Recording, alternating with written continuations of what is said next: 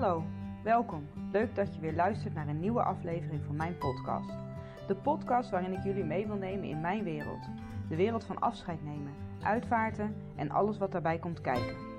Ik vertel je over mijn werk als afscheidsfotograaf, maar zal ook andere professionals die in deze branche werken aan het woord laten. Wat drijft hen? Wat is er allemaal mogelijk en wat is er zo mooi aan werken in deze branche? Ik wens jullie veel inspiratie, inzichten en luisterplezier toe.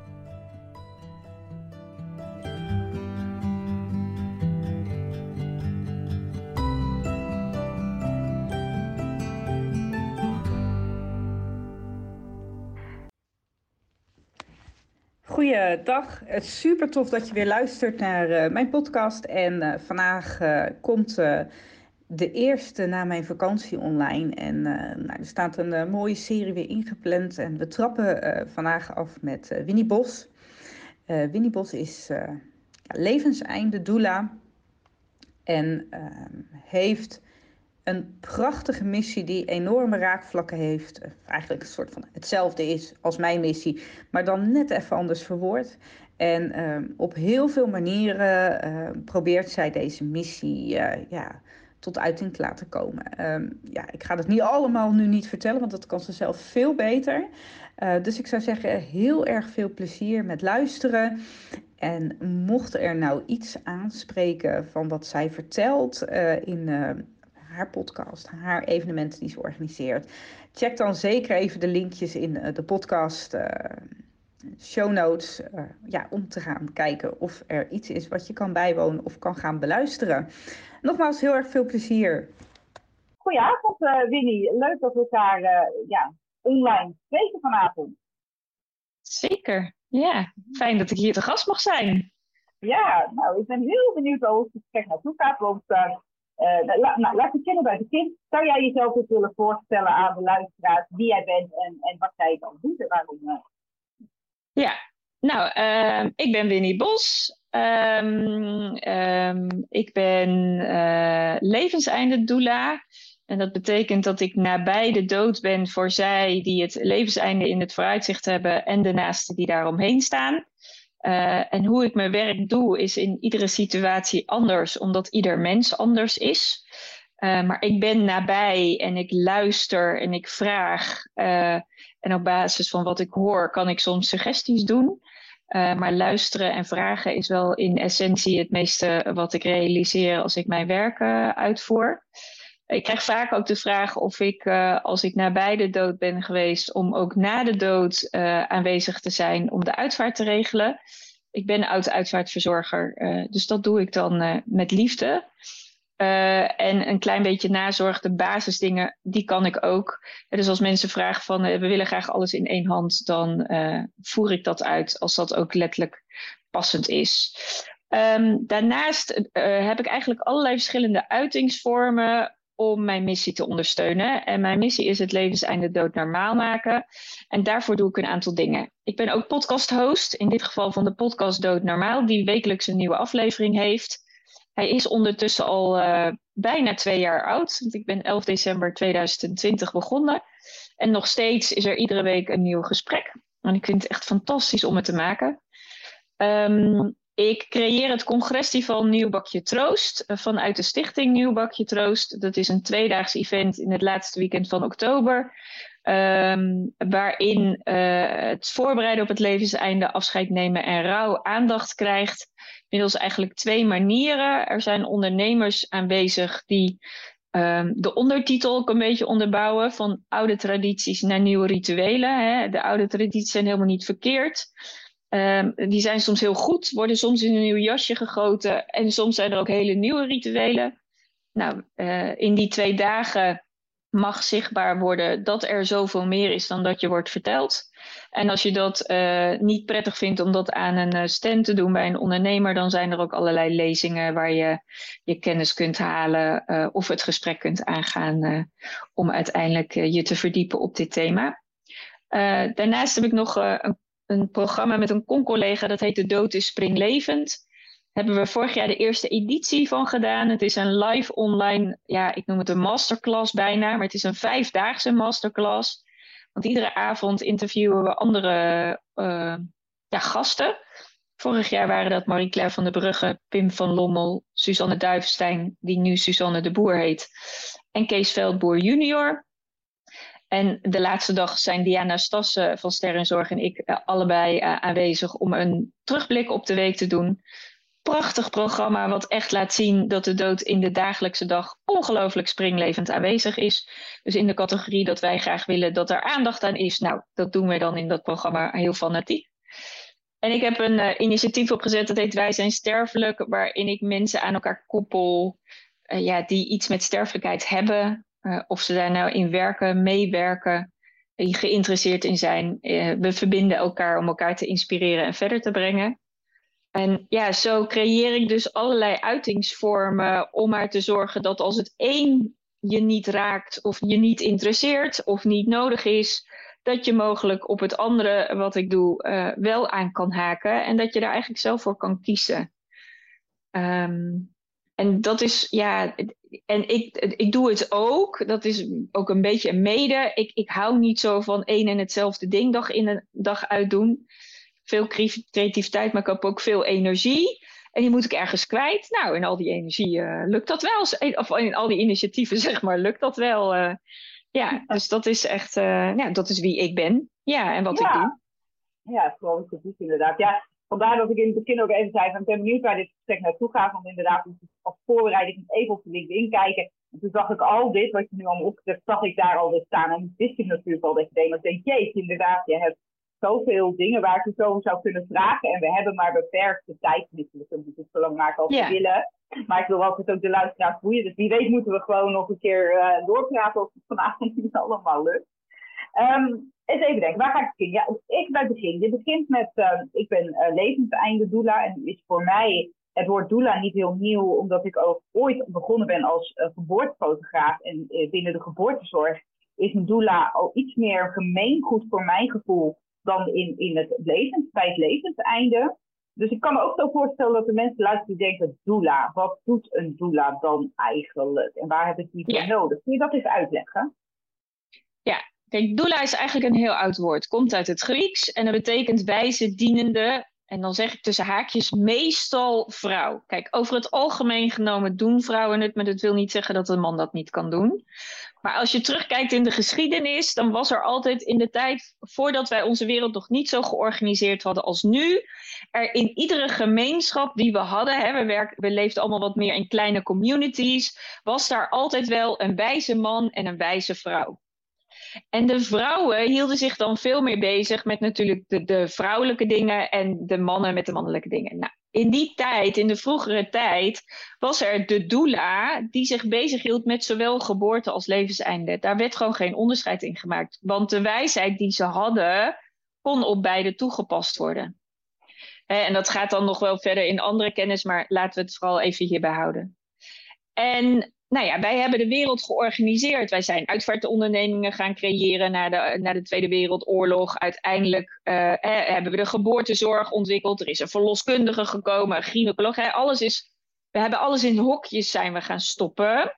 En dat maakt dat we ook dus dingen uit elkaar hebben getrokken. Hè, dus die doula van, het, van in de geschiedenis, ja, die is nu in de tijd van nu in tweeën gesplitst. Die is er nu specifiek voor de geboorte. Terwijl er trouwens ook geboorte doula's zijn die ook met de levenseinde aanwezig willen of kunnen zijn. Niet zo heel veel, maar er zijn, ik weet er in ieder geval één die dat doet. En er is de levenseinde doula. En ja, die nabijheid is natuurlijk wel verschillend. Want of je nou een leven op de wereld zet of je helpt een leven dat vertrekt, is natuurlijk in essentie iets anders, zou je denken. Ik He, als je kijkt, wij zijn niet medisch gerelateerd aanwezig bij het proces van in mijn geval het sterven wat onderweg is. Uh, en wat ik doe, is dat ik al mijn zintuigen aanzet om op basis van die zintuigen te luisteren. Want vaak wordt er veel niet gezegd wat er wel gezegd wil worden. En op basis daarvan, of wat ik zie, hè, ik bedoel, alles staat bij mij aan. Ik zeg altijd, je moet me voorstellen met een bad, badmuts op met allemaal voelsprieten. En als ik aanwezig ben bij de dood, dan ook ik verwonder mezelf en verras mezelf en verbaas mezelf wat ik dan uiteindelijk realiseer in, in, ja, in contact met de mensen waar ik dan mee werk. De, ik, ik ben zo verwant met ehm, die eindigheid. Ja, ik, ik, ik vind het soms ook lastig om het zo goed te verwoorden, maar er gaat echt iets in mij open. Nou ja, wat gewoon iets losmaakt ook in de mensen waar ik bij mag zijn. Ja, het is bijna gewoon, ja, ik zou bijna zeggen, er gebeurt magie nog in dat laatste stuk van het leven.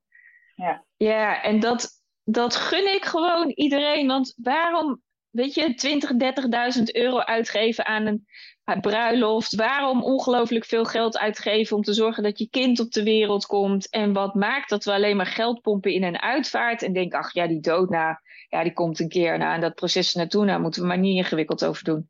Nee, ook echt in dat laatste stuk. Man, wat kan daar nog een magie in van het eindige leven uh, voor degene die stervende is, als ook voor de naasten daaromheen. Wat kan daar nog zo ongelooflijk veel gebeuren? En dan zeg ik nu alleen maar de naasten om de heen, maar eigenlijk als je het groter trekt, is, gaat mijn werk heel erg over een stukje spiritualiteit, socialiteit, heel iets praktisch, iets financieels en ook emotioneel. En dan heb ik niet, hè, het financiële heb ik niet alle specifieke kennis op, maar ik weet dat er soms in aanloop naar, naar het overlijden hele simpele praktische financiële dingen zijn die goed zijn om nog bij leven te, uh, te regelen. Ja, dat is goed als je daar de tijd nog voor hebt om dat aan te pakken, omdat je dan je naasten en alle andere mensen om je heen gewoon heel goed achterlaat. Uh, maar misschien wil je nog wel een viering van het leven doen in plaats van, uh, nou, ik lig in een kissie, nou, daar lig ik dan. Uh, ja, ik zeg het een beetje plat, maar ja, waarom het leven vieren als je er niet meer bent? Je hebt zoveel om dankbaar voor te zijn. Je hebt zoveel mensen waar je een betekenis voor hebt gehad. Hoe prachtig is het? Hey, ik heb ooit een, um, een goede bekende van mij, die wist dat ze ging sterven. Haar kinderen hebben een afscheidsfeest in haar huis gegeven met al haar schilderijen. En toen hebben ze gezegd, nou, als er een schilderij is wat je mee mag nemen, mam is erbij. Ze is niet een goede doen, want ja, iedereen weet het is eindig. Maar ja, we weten allemaal niet wanneer. Ze lag al bijna vier maanden in het hospice. Dat is niet normaal, maar goed, hè, dat werd toegelaten nog in haar geval. En daar gingen gewoon mensen met een kunstwerk de deur uit. En zij dacht echt, ze werd er gewoon stil van. Zij wist gewoon niet wat ze moest zeggen. Hoe prachtig is dat? Hoe pijnlijk ook tegelijkertijd. Hè? Maar hoe prachtig is dat? dat je dat met elkaar nog kunt beleven. Want dan heb je toch zo'n ander einde dan dat er gewoon over jouw dood heen het leven wordt gevierd. En dan riep ik altijd in de tijd dat ik uitvaartverzorger was, ja, over de doden niets dan goeds. Want dat is wat je vaak hoort bij een uitvaart. Terwijl ik denk, dat is echt de grootste onzin, want we zijn niet allemaal goed. even goed en fout bestaat dan wel niet, maar we hebben ook een kant in ons leven, ook ik, waarvan sommige mensen denken, nou, uh, pff, weet niet, uh, als je met die aan de deur komt, dan, uh, dan doe ik de deur niet open hoor. Dat heeft iedereen, maar dat heeft ja. ook een schoonheid, omdat we daar iets van geleerd hebben. En daar heeft weer een deur in mij, is daar open gegaan, omdat het even heeft geschuurd en we het allemaal niet konden vinden. En oeh, we waren zo boos op elkaar. Maar man, wat heeft het gerealiseerd. Nou ja, weet je, prachtig om dat ook gewoon aandacht te geven. Want het is er allebei, want we zijn het allebei. Ja, licht en donker hoort bij elkaar. Hè? Zonder donker geen licht en andersom. Nee, precies. En net zoals zonder dood geen leven en zonder leven geen dood. Zo simpel nee. is het gewoon. Maar dat, ik hoor je dat ook zeggen. Hè? Jouw werk richt zich dan met name, denk ik, op mensen die weten dat ze stervende zijn. Of word je ook, word je ook betrokken bij mensen die eigenlijk nog niet uh, de, de, de, ja, weten dat ze doodgaan, word je daar ook wel eens bij betrokken? Of is het echt met name mensen die een, een traject ingaan van uh, palliatieve zorg bijvoorbeeld? Nou, het is het, over het algemeen vaak wel mensen die weten dat ze ziek zijn en niet lang meer hebben. Ik heb de wonderlijke ervaring gehad dat ik ook iemand, en dat was een van mijn eerste mensen die ik mocht begeleiden, uh, de wonderlijke ervaring gehad dat je van een arts kan hebben gehoord op het moment dat zij in mijn leven kwam, was ze al ruim twee jaar onderweg. Dat je dood zou gaan. En dat je dan ineens in jaar drie te horen krijgt. Nou, ja, we zeiden wel dat u dood ging. Maar uh, de kanker die u in uw lichaam had, we zien hem niet meer. Geen idee waar die is, maar u had de meest agressieve vorm, hij is voetzie. Dus uh, ja, uh, succes, succes met leven, want doodgaan, dat gebeurt in ieder geval niet nu. Nou ja, weet je, dan denk ik dat zijn verhalen. Ja, ik denk dat zijn verhalen die je in een boek leest. Nou nee, die lees je helemaal niet in een boek. Die gebeuren gewoon. Ja. En uh, nu mag zij gaan leren wat het is om weer te gaan leven. Hoe gek is dat dat als je in je midden 40 bent met drie jonge kinderen waarin je je kinderen voorbereidt dat ze geen moeder gaan hebben in hun tienertijd en het verdere leven. En ineens is het, oh ja, nee, sorry hoor, maar uh, ja, oh, ik ben er nog. En uh, ja, geen idee hoe lang, maar het kan nog 40 jaar duren, bij wijze van spreken. Ja, ja weet je, dus um, ja, het, hij is bizar. En dat het deed mij heel erg herinneren in de tijd dat ik in de uitvaartwereld werkte. En ik altijd ongelooflijk boos kon worden over dat ik dan weer hoorde dat artsen hadden gezegd: ja, u heeft nog twee jaar of u heeft nog drie maanden. Of u, nou ja, hè, welke tijdsnoteringen ze dan ook geven. En ik in mijn uitvaarttijd gewoon heel erg leerde: het is echt de grootste, reinste bullshit om te vertellen aan je patiënt. Want niemand weet hoe lang het nog duurt, zelfs de arts niet. En doordat je wel die tijdsnoteringen geeft, doet dat iets met de mens die tegenover je zit. En dat heeft soms hele schrijnende gevolgen omdat mensen denken, nou, ik heb nog twee jaar, dus dan nemen ze de tijd en twee weken later zijn ze weg. Weet je? Um, dus ik heb daarmee altijd wel echt een beetje zoiets gehad. Als we het niet zeker weten, ga het dan ook gewoon niet noemen. Want zet tien mensen met een hartkwaal naast elkaar en ze reageren alle tien anders. En ik snap um, dat artsen het doen vanuit de beste bedoelingen en vanuit de beste wil. Uh, maar ik geloof dat we de ballen mogen hebben om in het niet weten te blijven en letterlijk te zeggen: ja, ja. ik hoop voor u nog heel lang, maar ik weet het gewoon echt niet. Dus uh, geniet van de tijd die er nog is. En iedere dag is er één die is mooi meegenomen. En ga op die manier leven. Ik heel erg denken aan een anekdote. En ik zit nou eens te denken, heb ik het nou in een documentaire gezien of in een boek? Maar dat ging in het ging heel erg over gedachtekracht ook. Hè? Hoe, hoe krachtig iets in je gedachtenplanten is. En uh, dat was dan een, een, zoon en zijn vader of moeder die kreeg inderdaad een diagnose. En uh, nou, die heeft de arts aangehoord, die zoon. En die zei, dank u wel voor uw diagnose, maar we accepteren hem niet. Wij, die, die termijn, die accepteren wij niet. En dan ook echt vader ook daarop voorbereid. En dat, dat resulteerde dus in hetzelfde krachtengevaar als wat jij net vertelde. Door, tegen de verwachtingen van de artsen in een ziekte kunnen overwinnen door simpelweg een diagnose niet te accepteren. En weet je, ik ik pretendeer niet dat dat de waarheid is en dat het voor iedereen zo werkt natuurlijk. Maar uh, ja, ik vond daar moest ik even aan denken toen je dat net vertelde. dacht ik, ja, er, er zit meer kracht denk ik in ons dan dat we denk ik, uh, ja, Nee, ja, nou ja, weet je, daar kan ik heel makkelijk op inhaken. Want er is een kracht van de gedachtekracht. Er is een kracht van, hè, weet je, hoeveel verhalen ik niet heb meegemaakt van mensen die echt, zeg maar, een aantal pijlers nog op, hè, hoe ziek ze ook waren, maar die toch echt een aantal pijlers op hun horizon hadden gezet. En die zeiden, oké, als die pijlers klaar zijn, weet je, dan, dan is het voor mij goed geweest. En die eigenlijk in negen van de tien gevallen ook die pijlers haalden ik heb uh, in mijn serie uh, een dame geïnterviewd um, uh, die ook. Um, ik heb eigenlijk twee mensen geïnterviewd die stervende waren. Eén leeft dus nog en de andere is inderdaad overleden. maar als je haar gesprek hoort, dan denk ik echt, nou, hoe die midden in het leven stond. op het moment dat ik haar interviewde, ja, prachtig. die wilde nog met haar naar haar zoon in Amerika, die daar zou gaan studeren, weet ik veel wat uiteindelijk heeft ze het niet gehaald. Ze heeft het niet gered. Maar die stond in het leven met volle aanvaarding. Dat ze ziek was, met volle aanvaarding. Dat alles wat er was, dat het een bedoeling had om haar iets te vertellen. Dat het de bedoeling was dat zij ook rondom, want ze heeft heel veel informatie rondom de dood, heeft zij naar buiten gebracht. Ze heeft ook een boek geschreven, Het Huis van Liefde. Uh, Anita Franse Gilvert is uh, de schrijfster daarvan ja, hoe zij met haar sterfelijkheid is omgegaan, daar kan iedereen echt ongelooflijk veel van leren. Want als we op die manier ons eindige leven hè, kunnen leven in iedere dag dat we denken we hebben er nog één en morgen kan zomaar voorbij zijn.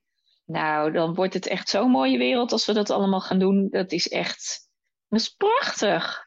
Want wat we elkaar dan geven, dat zijn van fantastische cadeautjes en inzichten. En ja, die, dat is gewoon rijkdom. Dat is echt rijkdom. En ik voel me iedere keer weer, dat, ik in de tijd dat ik in de uitvaartwereld werk, werkte en ook nu weer, ik voel me iedere keer weer oprecht verwonderd dat ik nabij mag zijn. Want het is geen zelfs, vanzelfsprekendheid dat dat zomaar gebeurt. En er moet een klik zijn, hè? van beide kanten, van mijn kant en van de andere kant. Wij moeten een klik hebben, anders gaat het gewoon niet stromen. Maar als die klik er is, ja, weet je, dan gebeurt er gewoon magie. Ja. dan gebeurt er echt magie. En dan ook zelfs ik verwonder me. Hè, en dan is het ook oprecht zo, want dat geloof ik ook heel erg. En dat zit ook in de naam van mijn bedrijf, uh, Doula Wijzer. Kijk, ik ben als doula, heb wijsheid rondom de dood waarmee ik geboren ben. Ik heb in mijn hele leven ongelooflijk veel ervaringen rondom de dood gehad. De dood van mijn opa voorspeld. Ik heb een oom gehad die met zelfdoding is vertrokken. Ik heb een doodsangstervaring gehad. Ik heb zelf een moment gehad dat ik dacht, nou, dood zou waarschijnlijk wel iets beter zijn dan blijven leven. Nou goed, ik ben er nog. Uh, ik heb tien jaar in de uitvaartwereld gewerkt. Um, ja, weet je, um, de dood is gewoon mijn vriend. En omdat ik hem omarm, heb ik gewoon een prachtig leven. Um, ja, dat, dat gun ik gewoon iedereen. En als die klikker is en ik met mensen mag oplopen, ja, ik, ja, um, ja. ja mooi. Nee, dan word ik ja, ook gewoon stil. Ja, snap ik. Ja, nou, ik moet denken aan een, eh, een, een zin die ik heel vaak ook wel gebruik is van Um, op het moment dat je in je leven de dood weet te omarmen, kun je pas ten volste leven. Dat, ja, dat hoor ik jou eigenlijk in feite ook zeggen. Als, je, als je die gewoon verweeft in je leven, en jij zegt letterlijk de dood van mijn vriend en daarom is het prachtig leven, dat vind ik een heel mooi, uh, mooi, mooi. Ik ben eens even benieuwd. Hè? Je bent enorm passievol, je hebt een hele duidelijke missie en verschillende manieren om, om daarmee bezig te zijn waar komt het vandaan? Waar, waar vindt die oorsprong? Je geeft al aan van ik heb veel ervaring in de dood. Uh, is dat dan ook echt heel jong begonnen bij jou? Dat je ja. van dit is mijn pad? Ja, nou ja, tot dit jaar, tot begin van dit jaar, had ik niet meer dan een, uh, een helder weten vanaf mijn zevende, waarin ik niet de krant las, maar de overlijdensadvertenties in de krant. Want de, de rest van de krant boeide me echt voor geen meter. Maar die overlijdensadvertenties vond ik vooral boeiend omdat ik dacht, nou, als je zegt dat er tien dezelfde mensen overleden zijn, dan geloof ik het ook. Want al die overlijdensadvertenties waren een soort copy-paste. ik bedoel, ik ben nu 51, dus we hebben het over lang geleden toen ik zeven was.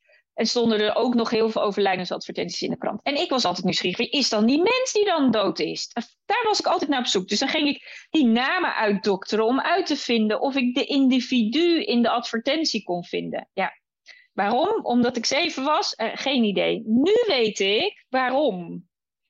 Ik heb begin januari is, uh, uh, is mij helder geworden dat de zwangerschap die mijn moeder heeft gehad, eentje is geweest waarop ik continu heb gedacht: leven dood, leven dood, leven dood, leven dood. Wat wordt het? Ga ga ik kiezen voor ik kom niet of ga ik kiezen voor ik kom wel? En uiteindelijk heb ik voor het leven gekozen, maar met de dood al in de hand. Maar goed, als je net geboren bent en tot aan je zevende. Ik heb ook Pim van Lommel geïnterviewd in mijn serie. En die zegt ja, bijna doodervaringen komen ook bij hele jonge kinderen voor. Maar die hebben vaak geen heldere, uh, um, uh, um, een heldere, hoe moet je dat zeggen? Um, die kunnen zich dat niet meer herinneren dat ze nee, dat hebben gehad, die bijna doodervaring. Ja, en dat geldt eigenlijk in een bepaald opzicht, is, is mijn keuze voor dat ik uiteindelijk bij de geboorte gekozen heb voor het leven dan een bijna doodervaring. Nou, zou het niet zo willen noemen. Maar ik ben daarmee wel letterlijk met de dood in de hand uit mijn moeders, ja, uit, uit mijn moeders schoot gekomen. En, ja, en dat is zichtbaar geworden vanaf mijn zevende, doordat ik die advertenties ben gaan lezen. En dat ik dus, nou ja, mijn eh, opa heb voorspeld en spijtig genoeg ook al ben ik daar nu oké mee, drie keer zwanger ben geweest en geen kinderen op deze wereld. Uh, ik heb wel, de kinderen zijn wel op de wereld geweest, want ze hebben tijdelijk in mij geleefd. Maar ik heb geen zichtbare kinderen uh, op deze wereld uh, gezet. Um, ja, dat is even heel pijnlijk geweest in mijn leven. En tegelijkertijd ben ik daar ook nu oké mee. En ben ik daar ook open over, omdat ik gewoon geloof dat. Nou, niet alleen geloof, ik voel ze dat ze altijd bij me zijn. Ik voel dat ze met me meelopen. Eh, ze geven me soms boodschappen. Ik ben ongelooflijk met ze in verbinding, want zij zijn nog steeds onderdeel van mij. En er is zelfs tegenwoordig wetenschappelijk aangetoond dat als je, hoe kort ook maar, um, uh, zwanger bent geweest, dat er iets van die kinderen ook nog in jouw lichaam zitten. Dus daarom zijn ze ook nog eens allemaal bij mij. Dus ja, verwantschap met de dood, um, ja, ongelooflijk veel. Ja, ja. En wat was dan je eerste stap? Is dat dan gelijk de uitvaartkorf? Want ik hoorde je zeggen, ik, eh, ik kom uit de uitvaartkorf. Is dat dan ook hetgene geweest wat je in eerste instantie bent gaan doen? ja, ik ben op mijn 33ste in de uitvaartwereld uh, beland. Dat was toen de tijd nog heel jong. Uh, ik was ook een van de jongsten in het team waar ik uh, kwam. Er was nog één iemand iets jonger dan ik. En ja, weet je, ik, um, ik heb daar ongelooflijk veel van geleerd. van die tijd dat ik uitvaartverzorger ben geweest. En eigenlijk heeft mijn uitvaartverzorgerswerk me gewaargemaakt hoe verbonden ik met de dood was en nog steeds ben. Um, maar daar was ik me in dat moment niet bewust van. En dat had een reden. Want um, ik ben heel sensitief, echt hypersensitief. Ik voel heel veel, uh, voor, en van mezelf, maar ook van de ander. En dat kon er gewoon niet zijn. Mijn ouders uh, hebben mij dat nooit kunnen leren dat ik dat mocht vertonen. Dus dat heeft gewoon heel lang op slot gezeten. En dat ging eigenlijk langzaam aan toen ik uitvaartverzorger werd. Want ik, dingen hielden me bezig. Ik voelde dingen bij mensen. Ik dacht, hoe kan ik dat nou voelen? Daar zit daar iets. En ja, ik weet niet wat het is. En dan gaandeweg de dagen dat ik met de mensen op pad kwam, dan kwam dat naar boven. Ik denk, huh? Kan ik dat nou weten? Ja, dat weet, weet je. Dus ik voel, voelde heel veel, maar ik snapte daar niks van. Ik dacht, ja, kan dat nou? Ben ik nou gek of zo, weet je? Omdat ik nooit mensen om me heen had gehad die zo sensitief waren. Totdat ik op mijn 35ste uh, bij de Voorde, is een instituut dat helaas niet meer bestaat, de pulsarvisie van Michael Derksen te leren kreeg. En daar zes jaar lang op het instituut heb rondgelopen en allerlei trainingen en opleidingen heb gedaan om erachter te komen wie ben ik, wat ben ik, wat kom ik hier doen en waar ben ik nou zo goed in? En uh, wat mag ik de ander komen brengen? Nou, uh, dit, nabij de dood zijn en daar heel oké mee uh, in het leven staan. En uiteindelijk daarmee ervaren dat als je dat doet, hoe fantastisch je dagelijkse leven wordt. Ja, en uh, dat ben ik nu uh, letterlijk op allerlei manieren aan het uitdragen.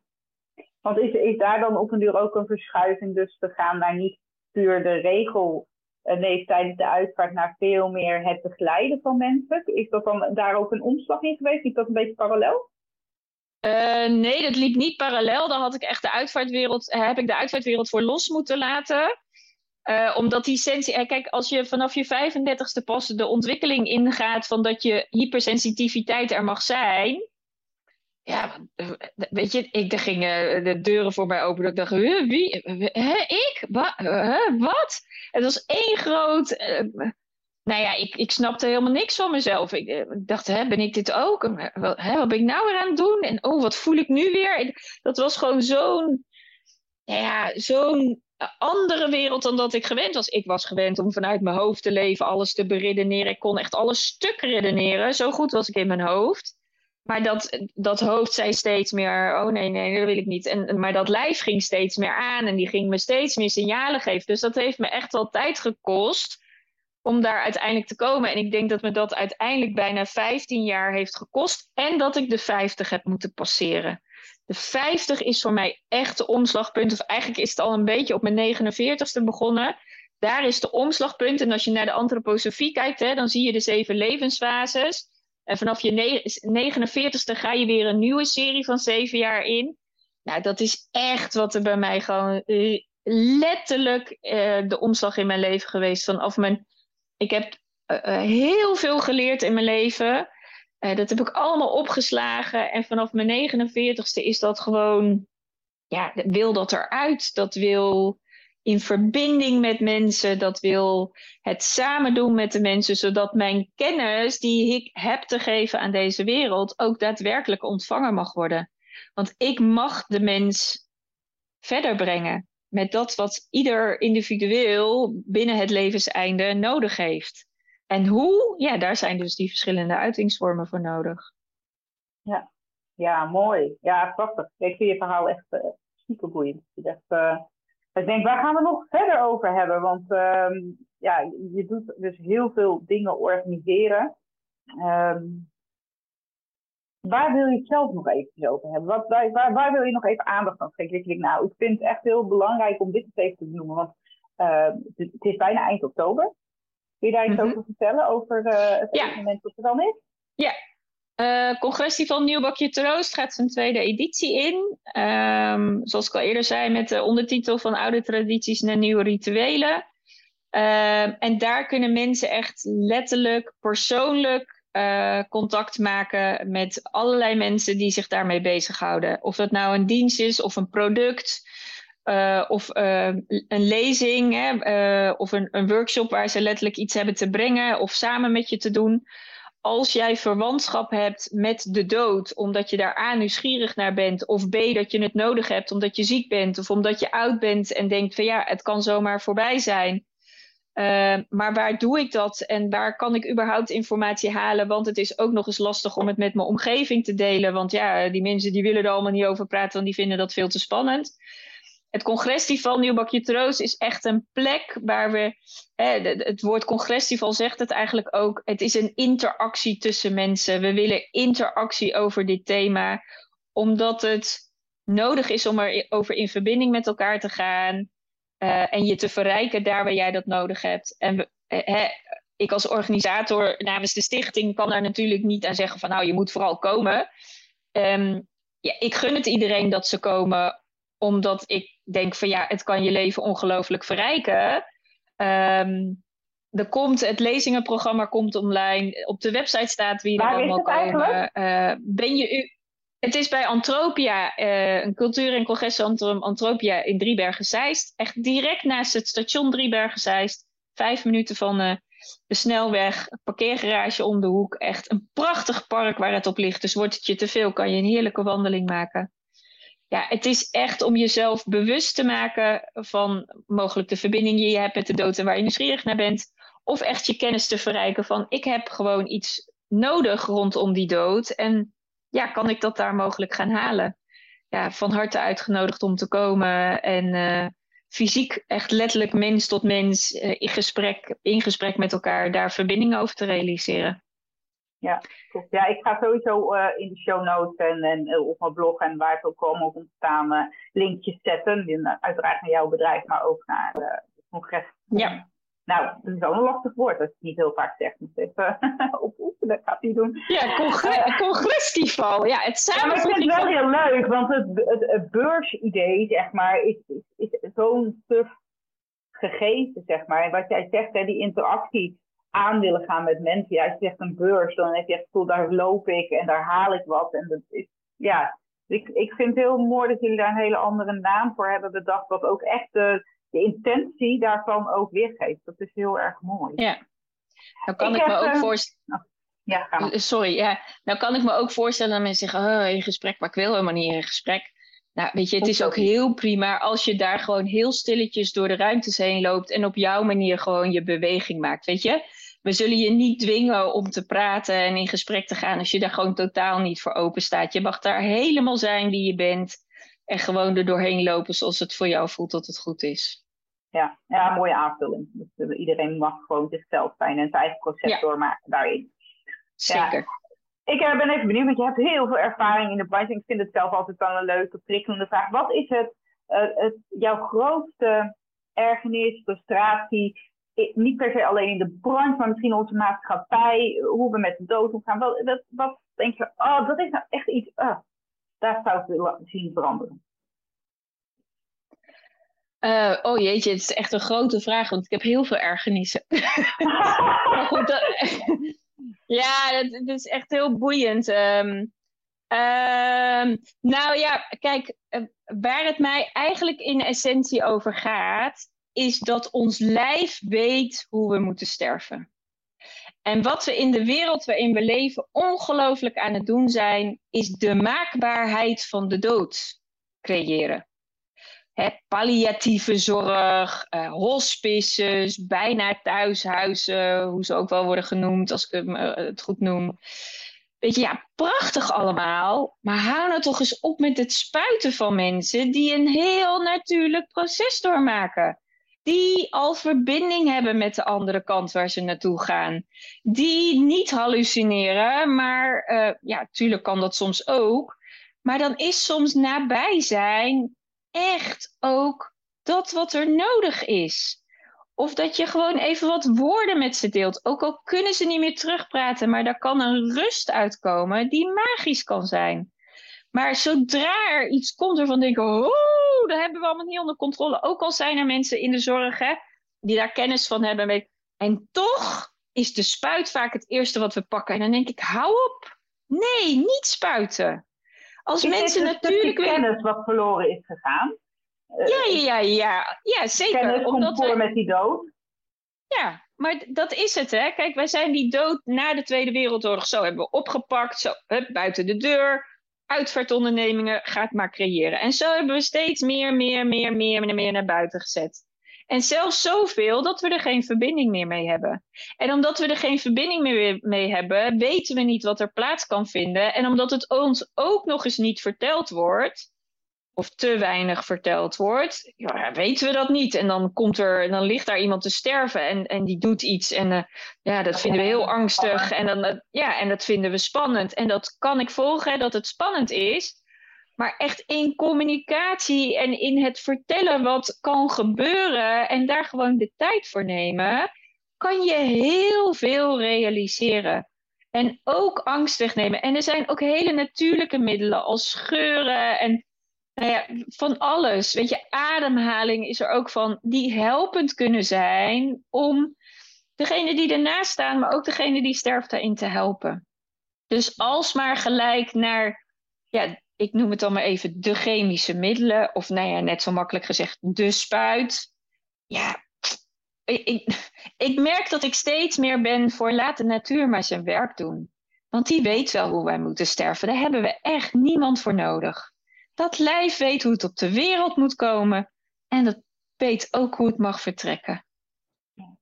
Ja, ik, ja. ik resoneer er echt enorm mee. Ik, ik denk dat er echt ik, het is ook hoe je, als je vertelt dat je met de dood werkt, hoe, hoe daarop gereageerd wordt. Oh, dat je dat kan, oh, dat zou ik niet kunnen. Het, het is eng, het is spannend, het is verdrietig. Maar ik denk, ja, ik denk dat wij elkaar daar wel in herkennen. Het, het, heeft ook heel veel moois in zich. En, en op het moment dat je inderdaad in contact staat met je eigen gevoel, met de natuur, met, dan um, is het nog steeds enorm verdrietig. En zit daar een proces aan, maar is het niet eng? Is het niet spannend? In, in de zin, ja, natuurlijk kan eng zijn wat er komt. Hè, en de gevoelens die opkomen kunnen eng zijn. Dat, dat wel, hè. Maar ik probeer mijn woorden wijs te kiezen, zeg maar. Maar... Uh, nou ja, kijk, sterker nog... Um, kijk, ik heb een hele reis gemaakt waarvan ik eigenlijk... Hè, als ik kijk naar de laatste 15 jaar... door ja, mijn, mijn sensitiviteit eigenlijk me gewaar werd... dat ik mijn hele leven lang al heel erg verbonden met die dood ben geweest. Maar omdat mijn sensitiviteit er niet mocht zijn en niet kon zijn, en dat ik dat pas op mijn latere leven echt ben gaan toelaten, ben ik eigenlijk altijd al heel erg verwant met die dood geweest. Want ik ben nog nooit, ook niet als kind, ik was nooit dood voor de dood. Ook niet toen ik zelf op het punt stond dat ik dacht, nou, laten we maar een punt zetten. Ook oké. Was ik ook niet bang. Um, dus dat vond ik altijd wel interessant. Dat ik dacht, goh, gek, ik ben er helemaal niet bang van. Kijk, nu terugkijkend op het leven. Ze zeggen altijd, het leven wordt voorwaarts geleefd, achterwaarts begrepen. Ja, dat is ook echt inderdaad zo. Maar het feit dat ik um, uiteindelijk de laatste 15 jaar zo uh, naar mijn natuurlijke zijn heb kunnen terugkeren. Want dat is geloof ik echt dat ik dat heb gedaan de afgelopen 15 jaar.